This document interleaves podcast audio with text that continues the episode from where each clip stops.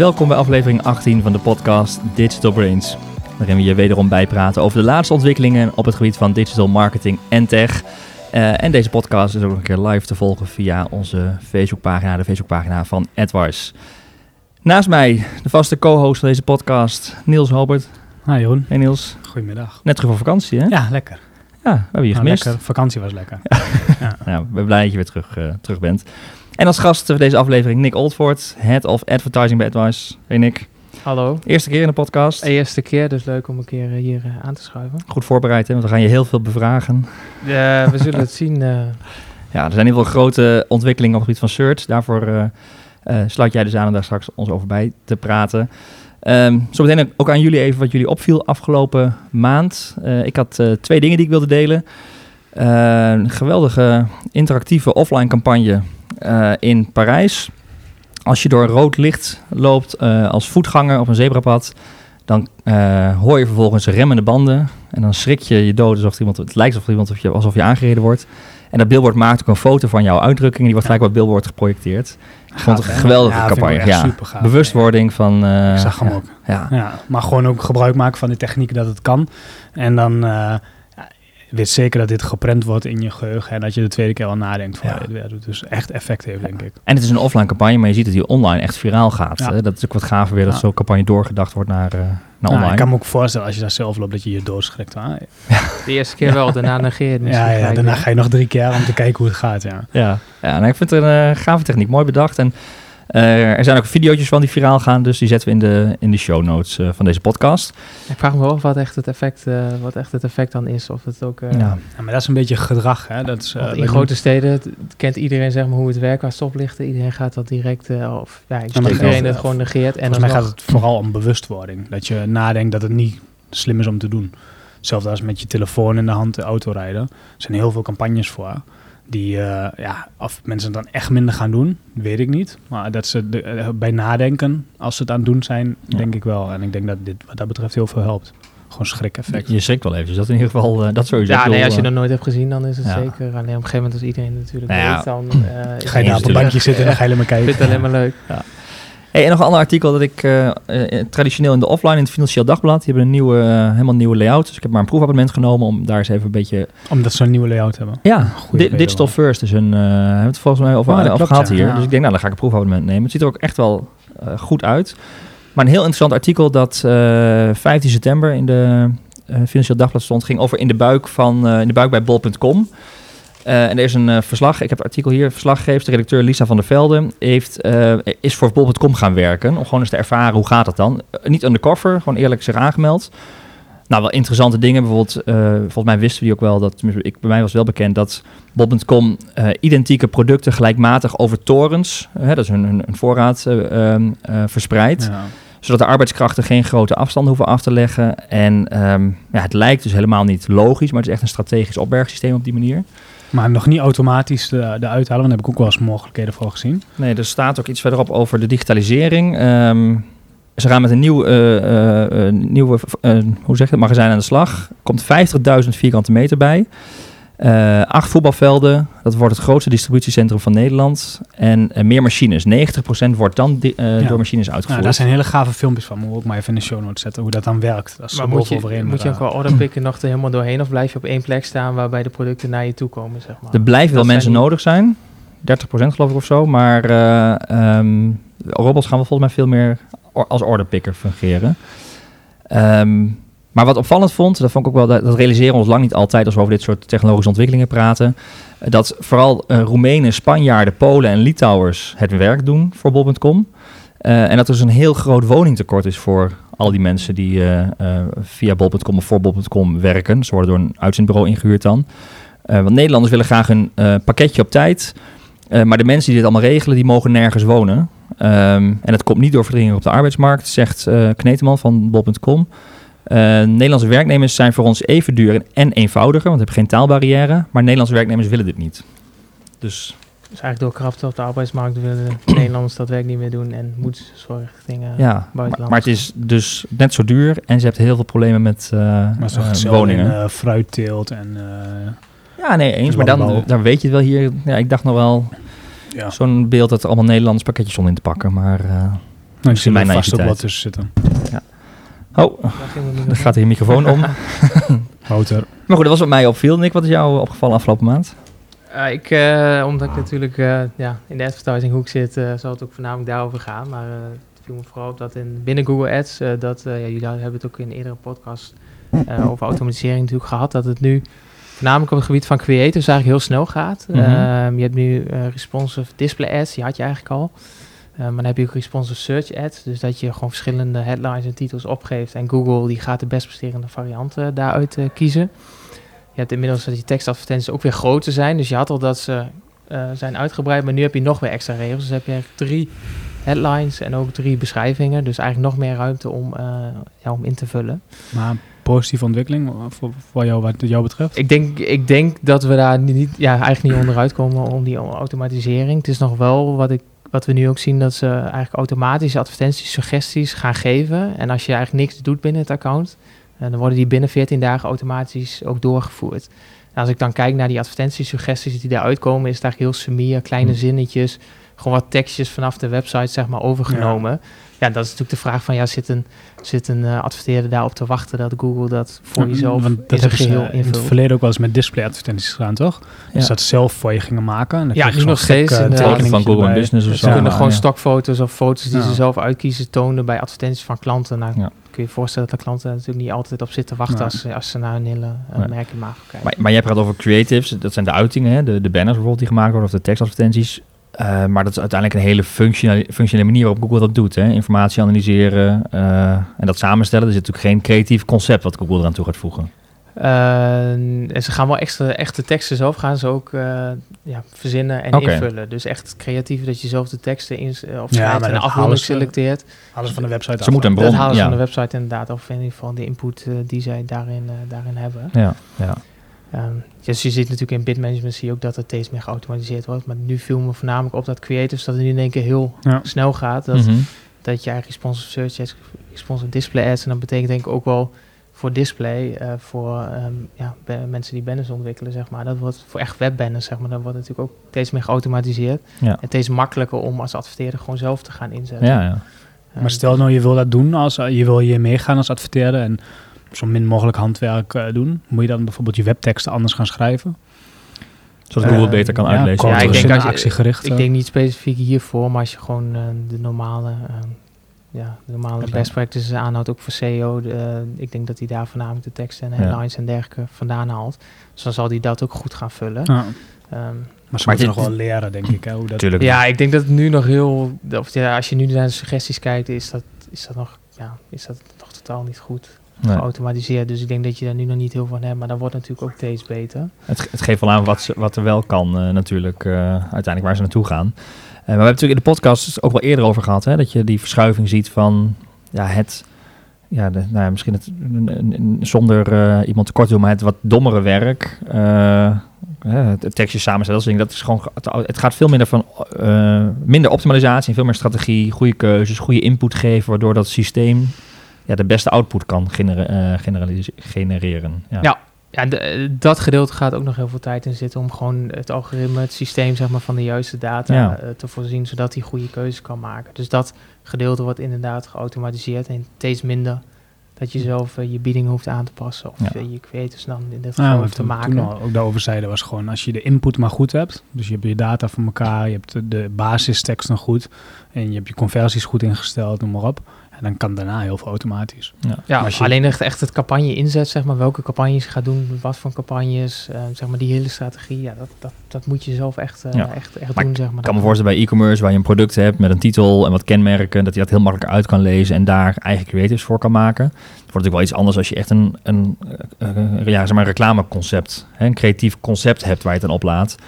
Eh, eh, ophangt, dat is, dat is niet na te maken. Dat, eh ja, hoogstens op een landingspagina, die dan of een campagnepagina, maar daar blijft ook al wel echt een Google creatieve heeft slag. natuurlijk ook al automatische bannering en haalt hij inderdaad gewoon vanuit de feed, haalt hij eh, Ja. beschrijvingen, prijzen, eh, titels.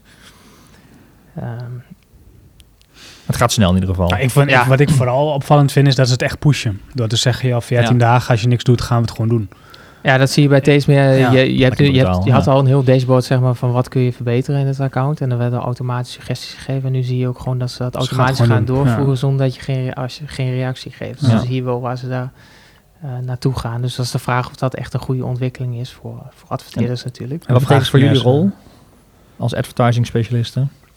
Ja, wat jij ook inderdaad aangaf. Je, gaat je gaat steeds meer van eh, uitvoerend naar meer strategisch meedenken. Meer eh, echt, Ja. echt nadenken over hoe zet je een goede campagnes op. Wat zijn, wat kun je qua data, zeg maar, kun je, kun je zoveel mogelijk data in het systeem krijgen, zodat, Mhm. zodat die algoritmes dat goed kunnen, Ja, de keuzes aan de voorkant goed maken, daar goed over nadenken.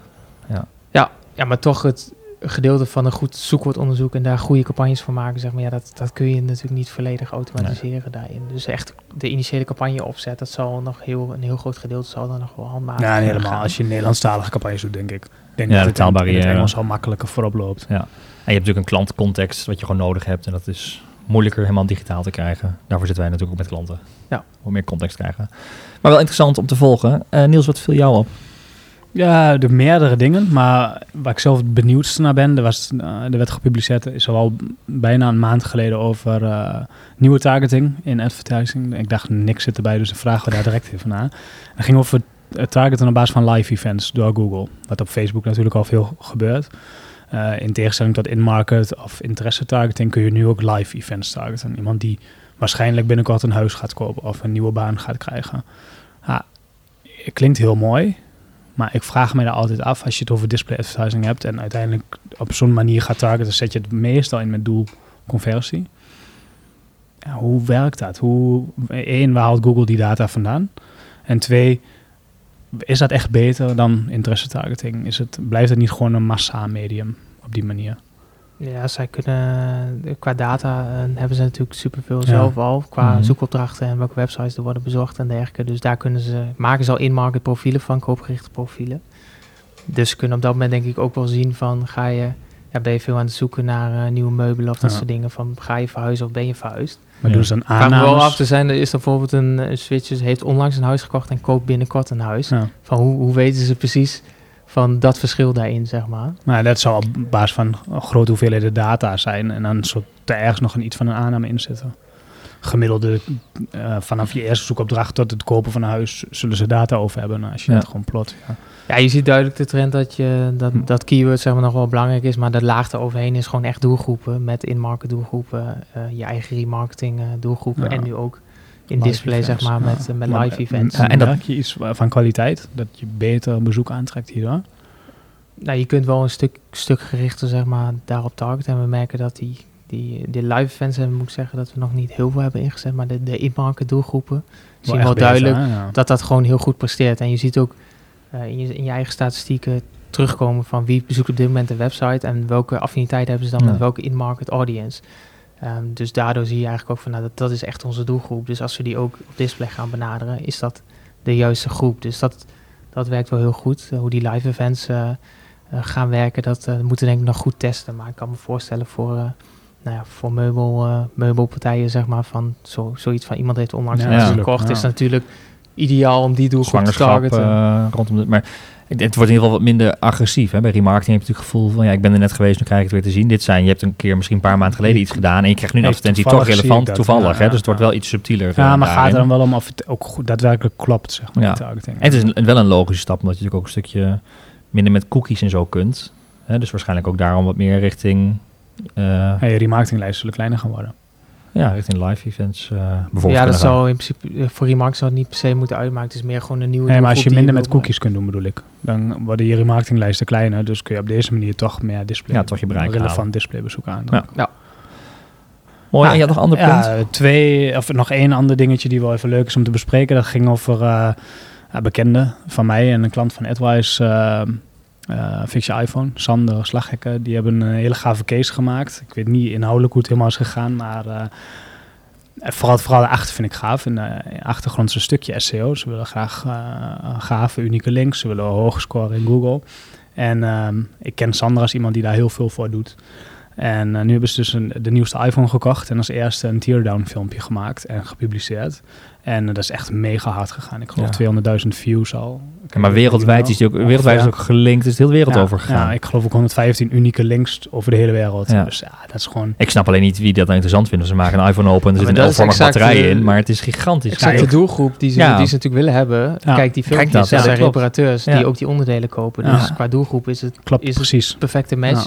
Plus bijkomend inderdaad qua, Ja, qua maar SEO ook- backlinks. Als je 115 unieke domeins in één Ja. keer hebt, Ja. dan gaat het een enorme boost geven. Goede outreach, ja, dat super gaaf gedaan. Ja, en gewoon, en gewoon gaaf. Dat, dat bedenk je op een avond en dat fix je in Ja. Ja, ik hoorde dat hij eh, de hele nacht eh, Een zo'n beetje had doorgewerkt. Dat ze s'nachts die telefoons Ja. eh, ergens hadden op eh, Maar dat is over, wat mij betreft, als je het over SEO hebt, dan wel een beetje de toekomst. Hè. Zulke soort dingen. Wat Ja. unieker, wat sneller, bovenop de actualiteit. Dat zijn Ja, het is ook wel mooi dat ze qua budget dingen. heeft het hun eigenlijk bijna niks gekost. Nee. Ze Alleen hebben de telefoon die- telefoon, kopen, ja. maar goed, die kunnen ze natuurlijk gewoon weer verkopen. Ja. Of, eh, Ja. ja, de- En wat uren. En maar, tijd. Ja. Ja. ja, mooi gedaan. Nou, daar gaan we vast meer over horen. Ja, denk ik Eh, ook, ja. We zullen in ieder geval het eh, linkje eh, naar ook die video in de show notes zetten. Ehm, Heeft u een linkje erbij? Ja, heeft u weer een linkje bij. Ja, straks gaan we het. straks gaan we het uitgebreid over Google Shopping hebben, want daar gebeurt heel veel, of is heel veel gebeurd. En eh, Nick, daar ga je ons over bijpraten. Eerst even wat eh, andere nieuwsitems die voorbij kwamen. Eh, ja, misschien een beetje een persoonlijk stokpaardje, maar Twitter voert de chronologische tijdlijn weer in. Nou, zoals jullie allemaal weten, ben ik de enige die nog twittert Ik ook. in de hele wereld. Oh, jij ook, ja. ja. En ehm, ja, ik werd daar gek van. Ik heb zelfs een andere app gebruikt, omdat ik helemaal eh, eh, gefrustreerd was over dat ik alleen maar mensen, alleen maar likes van anderen zag. Ik wilde gewoon de tijdlijn volgen. Eh, toen heb ik in ieder geval dat slimme filter weer uitgezet. Dan gaat het al beter. Maar ze gaan gelukkig weer de chronologische tijdlijn. eh, hoe, kijk jij er tegenaan als eh, Twitter gebruiker, Nick? Ik moet zeggen dat ik zelf bijna eh, niks post. Maar ik heb eigenlijk meestal heb ik gewoon, eh, heb ik gewoon mijn, mijn tweet deck zeg maar open. Dat ik gewoon die Nou ja, updates ja. volg. En Maar die volg- gaat chronologisch, TweetDeck. Ja, precies. En ik volg dan eh, alleen maar natuurlijk gewoon uit, uit de markt, zeg maar. De zoekmachinemarkt, eh, eh, de bekendste blogs, zodat ik altijd gelijk up-to-date ben. Eh, Maar in je app die is krijg ook je echt-. Ja, die is gewoon ook. In je app krijg je gewoon shit te zien van wat jij liked. Ja, sorry. Eh, Ik wil vooral zien wat mensen delen die ik wil volgen. En niet dat alles wat je liked. Want dat kunnen... Ik krijg heel veel privé ik kan me wel voorstellen, de eh, Twitter-app open ik ook wel eens, maar dat is minder vaak dan dat ik het gewoon in de TweetDeck zeg maar ziet. Van als ik dan de belangrijkste berichten zie, ehm, ook wat jij Ja, ja. bijvoorbeeld hebt gedeeld, Ja. dan is dat beter misschien dan de laatste berichten. Maar Ja. Nee, maar dat ben ik wel met je eens. Dus je kunt dus op basis van je gedrag misschien een stukje voorkeur geven. Maar dit was echt wat andere liken. En dat was... eh Maar dat is het echt echt dan, als eh, Facebook. ja, eh. Facebook Ja. heeft daar natuurlijk heel veel. maar ze draaien het terug. Althans, ze bieden de optie om weer gewoon logisch te gaan. Is dat dan eh. ook op uh, vele verzoek? Ja, ja, hier is heel veel... eh, echt mensen, ja, ik denk dat ze ook gewoon zagen aan gebruikers. Stapten gewoon over. Ja.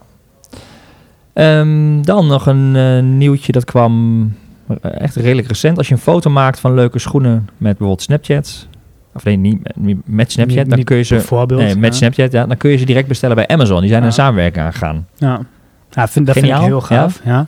Niet, eh, want van eerder was er al... eh, bij Amazon ook, ja. Eerder was er al zoiets, eh, volgens mij Pinterest, visual search, dat je ook direct kon kopen. Ik weet niet of dat uiteindelijk is uitgerold, maar die ideeën waren er. En het is natuurlijk hetzelfde principe. Je ziet iets, je kunt een foto maken en je, kunt, je weet direct wat het is. Ja. Dus ja, eh, een beetje hetzelfde idee. Hè. Technisch zou het al wel moeten kunnen en het kan dus ook.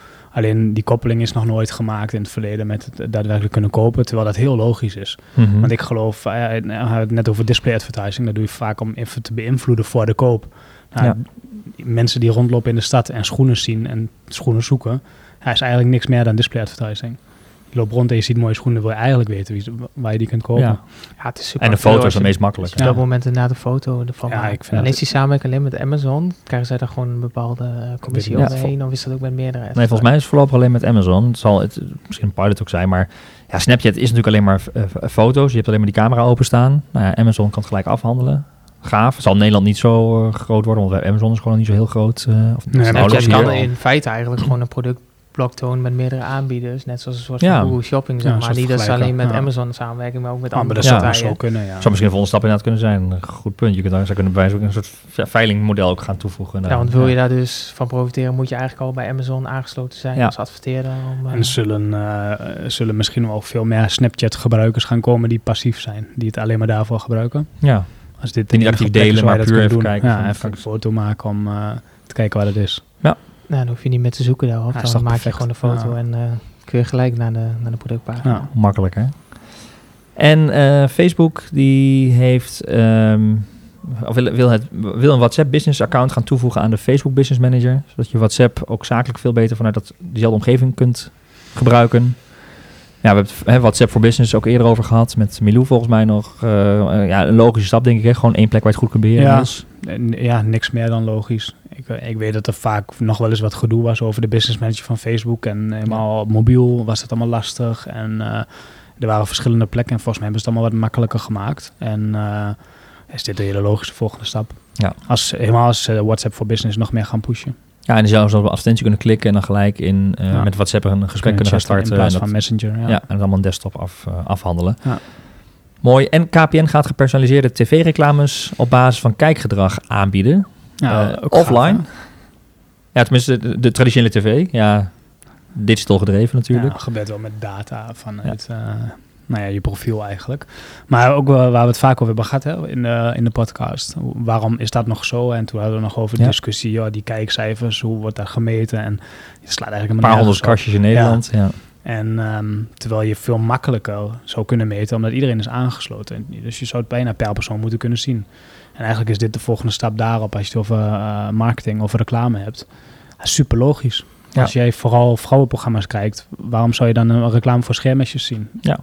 tenminste, mannen-schermesjes moet ik er even bij zeggen. Maar het is ja, super logisch. En, eh, en ik denk zelfs iets waar een gemiddelde consument nou ja, bijna op zit te wachten. Ja, maar ze weten natuurlijk niet wie er nou echt aan het kijken is. Als, je, jouw vrouw de hele week s s'avonds televisie kijkt en jij kijkt op vrijdagavond eh Voetbal International, Ja, ja, weet je iets, dan krijg ja. jij eh, Maar ja, ja nou dat klopt. Ja. Ja. dan krijg ik eh verkeerde Verkeerde reclames. schermesjes te zien, je overal dezelfde reclame te zien, eh, Ja. online en zoals. Nee, maar waar wij het ook over hadden, je- volgens mij kan het ook op basis van je, je online gedrag zou het, maar Ja, dat, dat zou zou misschien volgende stap moeten kunnen, kunnen, zijn. Ze koppelen het wel meer, niet alleen kijkgedrag, maar ook aan je abonnement, je Ja, geslacht, regio. postcodegebied, Ja. dat soort zaken. Maar, maar met name ook regio bijvoorbeeld is daar Ja. natuurlijk wel super interessant voor. Hè? Want je hebt nog best wel veel partijen die best wel willen adverteren en ook wel budget hebben om te adverteren, maar gewoon regionaal opereren. Ja.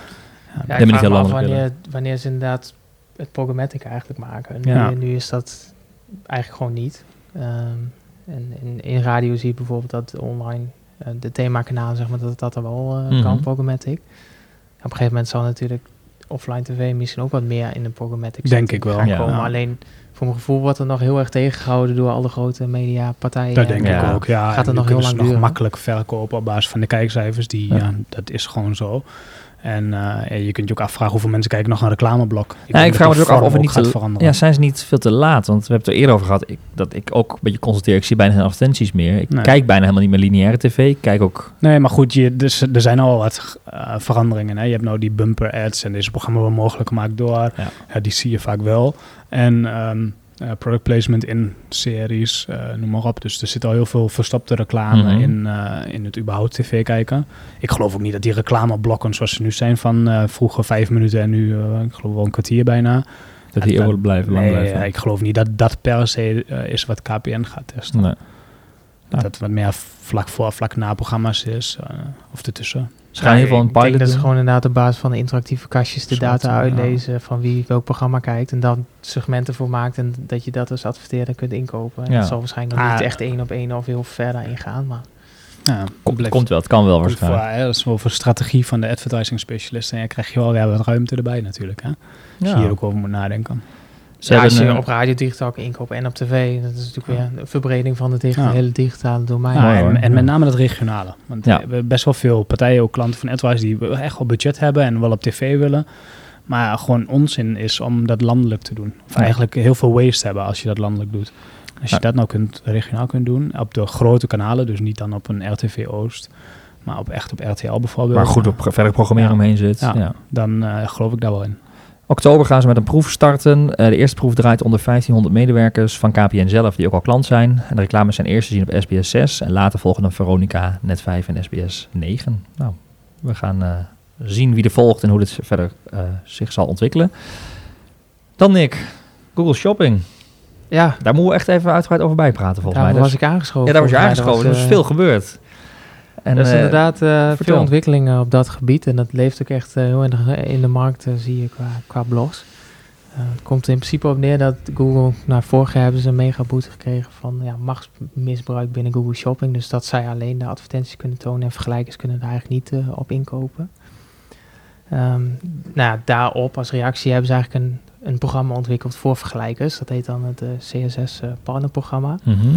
En op die manier kunnen vergelijkers kunnen eigenlijk ook hun eigen ads-account openen, eigen merchant openen en ook eh, ja, hun feeds van klanten zeg maar, aanbieden via, via Google Shopping. Waardoor je dus niet alleen eh, een advertentie krijgt vanuit Google zelf, maar ook vanuit vergelijkers. Ja. En eh, nou, er is eigenlijk een wildgroei eh, ontstaan aan eh, vergelijkers die dat eh, gaan doen. Je ziet eigenlijk dat eh, online marketingbureaus dat zelf ook gaan doen. Eh, Oh, eh, online- Maar marketing, online marketingbureaus gaan optreden als een soort vergelijker. Ja, maar dat komt met name omdat eh, het heel aantrekkelijk is geworden om in te kopen via een CSS-partner. Als vergelijker, ja. Ehm, Google, ja, als zij geen actie ondernemen, krijgen ze ook nog weer een naheffing van een aantal eh, miljard. Dus is wel een trigger, zeg maar, dat ze, dat ze Iets dus doen. eh, hun Ja. best doen om, eh, om dat wat eerlijker eh, te maken daarin. Ehm, nou, het voordeel is in feite, het eerste voordeel is dat je al eh 20% korting krijgt om op de veiling eh, in te kopen. Mhm. Dus als je via Google Shopping inkoopt, ben je eigenlijk gewoon 20% duurder uit. Eh, dat is het eerste voordeel. En het, het tweede voordeel wat ze nu eigenlijk ook hebben gelanceerd is, eh, eh, eh, is het ja, incentive programma noemen zij het. Maar dan krijg je gewoon echt letterlijk tot 30% korting op al je spend wat via Google Shopping campagnes door een CSS-partner gaat. Oké. Dus je kan je voorstellen voor, ja, voor grote kant, klanten die misschien eh 100k spend hebben in een Mhm. shoppingcampagne. Als je dan in één keer 30% eh, 30k kan besparen. Dat is, interessant, is ja. natuurlijk een goede Ja. trigger voor klanten om, eh, om, om je direct daar aan te melden. Eh, het, enige, het enige wat eigenlijk verandert is dat eh, onderin bij Google wat dan bij eh Ja. comprise of bij vergelijk of Hm. eh, ehm, dus in, feite verandert hoefte in je ligt aan de opzet natuurlijk maar hoefte in je campagnes in je in je feeds en dergelijke hoeft daar niks te veranderen blijf gewoon je bestaande historie biedstrategie houden Ehm, en, en kun je eigenlijk via een CSS-partner inkopen waardoor je dus die kortingen daar Maar dat- krijgt. Het lijkt een beetje als Google daar niet over nagedacht heeft. Dat ze dachten, het is voor de vergelijkers. Maar wij doen het blijkbaar dus ook voor klanten van ons. Ja, ik denk dat ze zich een beetje inderdaad verkeerd hebben ingeschat dat Nederland, eh, Nederland zo slim is van, eh, nou, dat alle online marketing Alle bureaus die eigenlijk dan zelf een vergelijker gaan, eh, gaan oprichten. Wat hebben wij gedaan, hè? Een vergelijker opgericht, toch? Inderdaad, eh, we hebben zelf onze eigen, eigen vergelijker eh, opgericht om, eh, om eigenlijk ja, daarop in te spelen, om die voordelen natuurlijk Ja. ook bij onze klanten te kunnen krijgen. En dat kwam ook met name omdat we zagen dat er vanuit de markt eigenlijk heel agressief werd ingezet op die korting. En dat ze ook echt natuurlijk aan onze klanten begonnen te trekken van wij hebben die kortingen en als je bij AdWise zit kan Ja. dat niet, zeg maar. Ehm, dus ja, om, om daar natuurlijk op in te spelen, hebben we zelf die vergelijker ook eh, eh, daarin eh, En- opgericht. En Google kan het bijna niet weren, want daarmee zijn ze hun partners, al die online marketingbureaus, raken ze ook een beetje kwijt. Want Maar waar... Ja, maar voor hun maakt het in principe... uiteindelijk is hun Hm. strategie denk ik dat het eigenlijk niet uitmaakt... of het, of het via vergelijken of via... Iedereen koopt gewoon in op de veiling. En ze hebben nu nog die voordelen. Eh, maar, Maar op die een gaan gegeven wel lekker moment... ja, ja. Op een gegeven moment gaan die voor, gaat dat incentive-programma... dat zal tijdelijk zijn. Dus ja, niemand weet eigenlijk in de markt hoe lang dat eh, is. Nee. Die margekorting zal waarschijnlijk nog wel langer blijven van 20%. Maar goed, als iedereen naar een vergelijker gaat... en weer 20% meer biedt... want dat gaat toch gebeuren... Mhm. ehm, ja, dan is het voor Google eigenlijk weer gelijk. Dan eh, krijgen ze, verdienen ze weer evenveel erop. Maar waar is dan nog ze- Google Shopping aan zich? Ja, die staat echt als losse entiteit. Voor individuele bedrijven Eh, die, geen, die niet via een bureau doen, die zelf campagnes doen, in shopping bijvoorbeeld. Nou, de, gewoon de, de standaard zet je gewoon via shopping. in. Pas als je een CSS Ja, maar dat gaat dan toch in principe iedereen die nadenkt niet Ja. doen. Eh, dat is niet, wordt niet echt heel aantrekkelijk nee, Nee. inderdaad, Nee. om dat eh, te doen. Het is nog wel, eh, ja, dat, het wordt gewoon als losse identiteit onder de veiling gezet. Dus naast de andere Ja, maar je moet dus CSS'ers. 20% meer betalen. Als je niet, ja, kijk, als je als een, klein bedrijf bent, je doet shopping, maar niet via een bureau, dan kun je niet anders. Ja, ja, dan naar een bureau toe gaan of naar Ja, dan een bureau via toe Of beslist. via een Ja, vergelijker. Via vergelijker, ja. Het nadeel is natuurlijk, eh, het nadeel is wel als je meerdere vergelijkers zeg maar, daarop aansluit, eh, dat je eigenlijk die, geen inzicht meer hebt wat die vergelijker voor jou doet en je hebt geen inzicht meer op die data en je verliest dan ook die controle. Mhm. Ehm, dus ja, mijn, mijn insteek is eigenlijk gewoon om dat zelf wel bij je te houden en om in ieder geval via je eigen vergelijkings eh, Ja. eh, Ja, websites je kunt eh, zelf aan de knoppen draaien op deze manier. Ja. Ja, je ziet zelf dan de data, je houdt de conversies in je account, waardoor je algoritmes eigenlijk betere beslissingen kunnen maken. Anders wordt de hele taart zeg maar opgesplit door meerdere. CSS'en. En dat zie je ook terug, van dat heel veel, eh, zelfs affiliate partijen CSS'en beginnen om natuurlijk eh, de commissie die ze ja, vangen, zeg maar, om daar, eh, om daar de CPC's op in te kopen. Als er een klein verschil in zit, kunnen zij natuurlijk op leven, zeg maar, Ja. op dat margeverschil daarin. Dus je zit, ja, heel veel klanten weten eigenlijk niet dat ze nu al wellicht via meerdere CSS's eh, adverteren.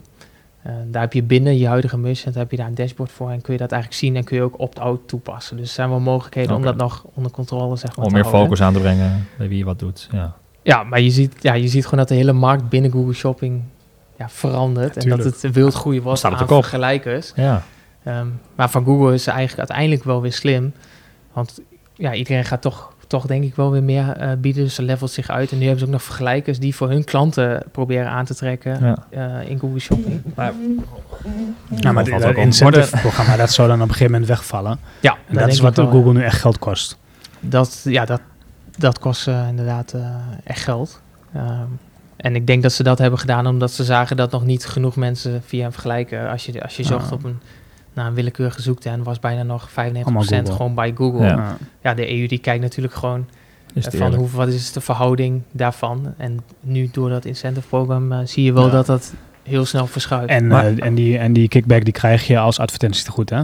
Dus ja, die, die krijg je het als geld je, nog wel gewoon van als je je moet het gebruiken. Uitgestelde Als betaling. account inderdaad ja. Ja, is gelinkt aan de merchant die een vergelijker is, dan krijg je het gewoon letterlijk na een periode van hun 30 geld gewoon wat dagen, laten. Ja. krijg je dat geld teruggestort als te goed. Hm. Dus ja, uiteindelijk hoef je minder over te maken naar Google, dus je bespaart het wel Ja, maar echt. ja, als je ergens een keer gaat stoppen met adverteren, dan is dat geld niet van jou. Ehm, ja, je- dan, Ja. moet je, dan moet je gewoon dat goed timen. Dat je stopt en dat, dat je dan nog wat campagnes doorloopt Ja. totdat het er goed op is. En, Ja. eh, Maar dan- en maar uiteindelijk... je Kort door de het geld blijft bij Google. Ah, ah, ja. Mm, in principe niet, want je maakt gewoon minder over naar Google. Je hebt minder afschrijvingen Ja. nodig. Ja. Dus Maar- het is maar gewoon echt korting. De, de vergelijkers zijn ooit met die, hè, dat protest tegen Google gestart om een eerlijkere concurrentiepositie te krijgen. Dit is nu de oplossing van Google na die boetes.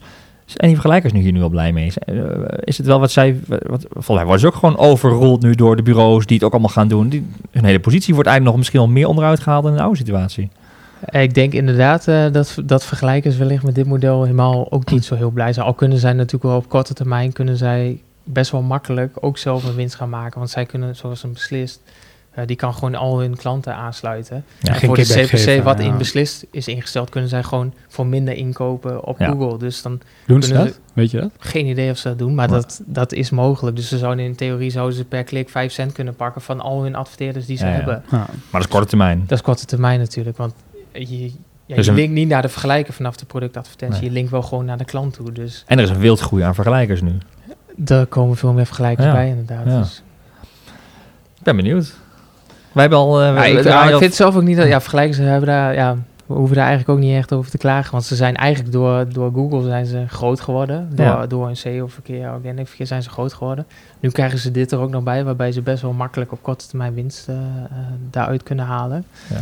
Ehm, ja, of, En nou een ze marketing tool om zijn. heel veel nieuwe klanten aan te trekken. Ja. Ja. Ja, ik bedoel, een vergelijker kan zelf natuurlijk ook eh, eh, marketing doen. Gewoon eh, commercials of eh, radio of wat dan ook. Om bezoekers naar zich toe te trekken. Omdat dan, ja, maar het meeste verkeer komt toch nog meestal gewoon vanuit Google via, ja, via de zoekmachine. Maar we hebben dus eh, al onze klanten voor het relevant was omgezet hebben naar, eh, omgezet naar zo'n vergelijkingsaccount. en die draaien nu dus op deze manier. De bijna, het, het is, het is allemaal nog redelijk pril. Maar in principe al, bijna al onze klanten die, Nou, die willen, dit, willen dit doen. Dus mooi. die, die zijn...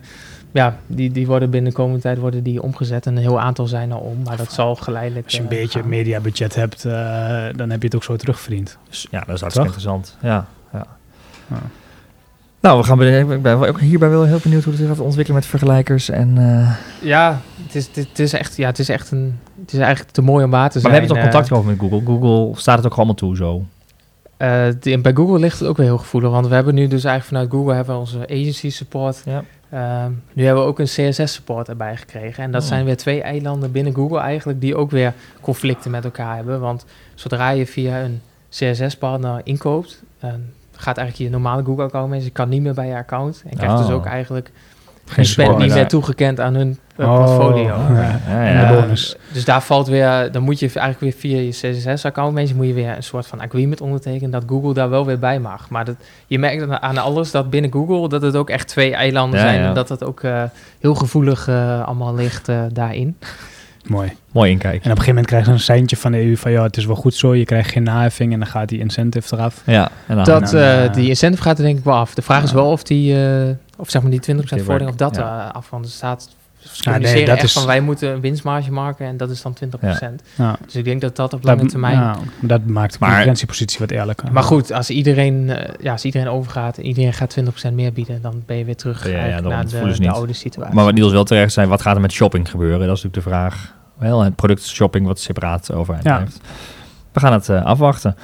Ehm, we hebben het ook vaak in deze podcast over voice gehad, eh, Nick. Eh, voice search, vaak vanuit SEO bekeken.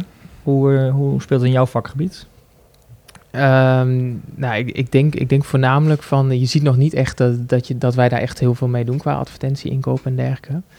Ehm, ik denk voornamelijk dat het gericht is op ja, zoekopdrachten die door een voice-apparaat worden gedaan. Mhm. En dan vervolgens de resultaten komen op een ander device, dus op je mobiel of tv. Ja. Dus dat zal voor de inzet van advertising niet heel veel uitmaken. Al zal misschien de zoekopdrachten iets anders zijn, misschien wat langere zinnen en dergelijke. Informatiever. Ja. Informatiever.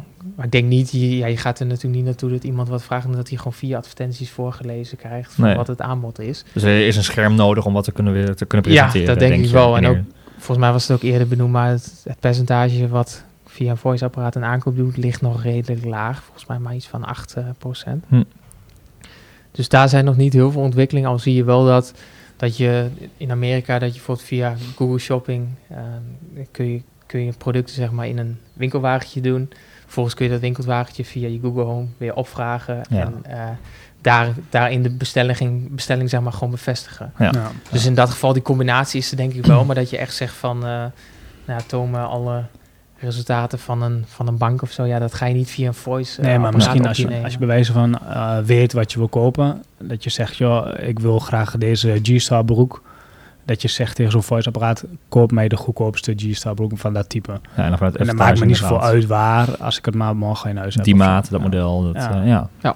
Dus dan gaat wel die zoekopdrachten naar de goedkoopste, of wat we vaker zien in de buurt. Ja. Eh, dat je dat soort zoekopdrachten erbij gaat Ja, krijgen. dat heb je natuurlijk met, eh, Ja. als je via Google Home zou dat altijd via de Google producten waarschijnlijk Mhm. gaan. En via zo'n Amazon Alexa is het natuurlijk Ah, allemaal weer via Amazon. misschien, Dus ja. dat is inderdaad wel dat je dan minder snel een zoekopdracht doet. En dat het gewoon direct via het platform gaat. Ja.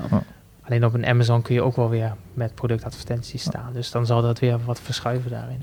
Eén bruggetje naar voice. Eh, Apple heeft de iOS 12 uitgebracht met eh, de opdrachtenfunctionaliteit. We hebben het er samen even over gehad. Ik heb met jou nog niet over gesproken, Niels. Maar ik kan dus nu met, eh, ik heb het ingesteld. Ik heb ook nog een keer sinds vandaag de nieuwste iPhone. Dus het gaat nog sneller ook. Maar met de oude iPhone werkt het ook al. Ik kan dus gewoon zeggen naar huis tegen Siri.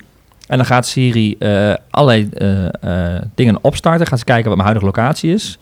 Waar, waar- mijn woonadres heb ik ingevuld. Wat mijn actuele reistijd is. En gaat automatisch een WhatsApp sturen naar mijn vriendin met een voorgedefinieerde tekst. Waarbij staat, Wat staat daar dan? Ik ben iets later. ja, meestal wel. Maar ik ben, Ja. nee, er staat, ik ben met zoveel minuten thuis. Ja, geniaal. Met één eh, commando eh, doet hij al die acties. Ja. En, eh, Wat ik- je ook met voice inderdaad kan wat je alleen met voice Dus doet. Maar Ik- stel je dat dan zelf in? Van, ja, die- ik wil dan ja, je hebt voorgedefinieerde, het is een beetje if this then that. eh, Ja. Je hebt voorgedefinieerde, eh, eh, eh, hoe zeg je dat, ja, programmaatjes. Die stel je in, dan moet je wat dingen aanpassen en dan heb je hem Nou, ingesteld. stoer, ja. ik kan naar de deur uitlopen en, Siri indrukken van naar huis en dan gaat eh, automatisch een WhatsApp naar mijn vriendin. Ja, met 32 ik, thuis ik heb hem ook ingesteld na ons eh, gesprekje daarover, maar mijn vriendin was er niet zo blij mee. Die zei van, eh, nou dat is ook al geautomatiseerd, zeg maar, dat berichtje. je doet niet meer moeite voor mij. Nee, dat, dat heeft, ook al geen, heeft ook al geen moeite meer.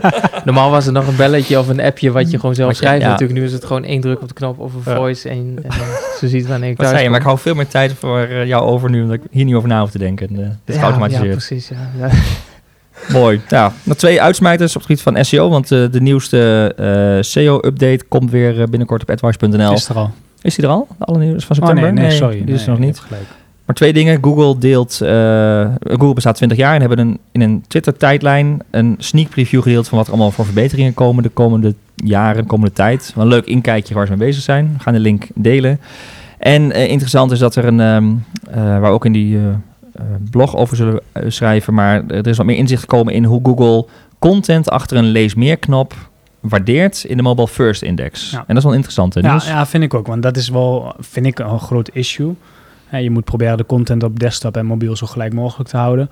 Maar ja, wat krijg je dan eh, heel snel als je dat gewoon één op één doet, hele lange pagina's. Dus je wil dat eh, vanuit UX-gedachte oplossen door, eh, nou ja, ja, verborgen content klinkt dan heel lelijk, maar door het wel makkelijker navigeerbaar te maken. Ja, en wat meer brokjes Ja, aan dus dan ga je het vaak getapt doen of in een accordeon of eh, met de ankerlink. Dus eigenlijk nog niet direct zichtbaar, maar met een actie wel zichtbaar. Nou, dat was vanuit de oude richtlijnen van Google altijd negatief. Ja.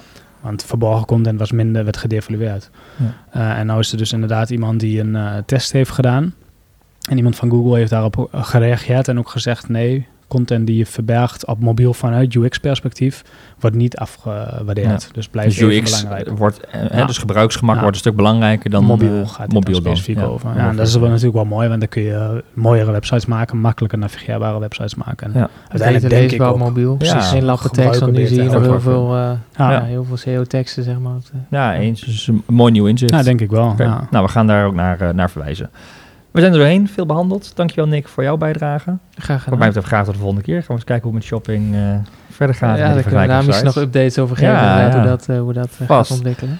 Eh, wil je iets teruglezen of weten waar we het vandaan hebben gehaald? eh, dan kun je naar advice.nl slash podcast 18. Daar vind je de allerlaatste... Als de redirect wordt Als er ingesteld. direct ingesteld is voor de Facebook-kijkers, die kunnen dat nu nog niet doen.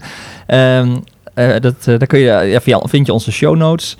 Eh, en je kunt je natuurlijk op, eh, in je podcast-app abonneren op deze podcast. Zo ben je altijd op de hoogte wanneer we weer met een nieuwe aflevering komen. En ik kan hem wel verklappen, in de volgende aflevering hebben we nieuwe microfoonstandaarden. Waarbij de microfoon gewoon rechtop blijft staan als we aan het praten zijn. Dat is al eh, Dus het bij keer- deze twee keer besloten. gebeurd, twee eh, keer in deze- aflevering besloten. Dus dat eh, wordt geregeld voor de volgende aflevering.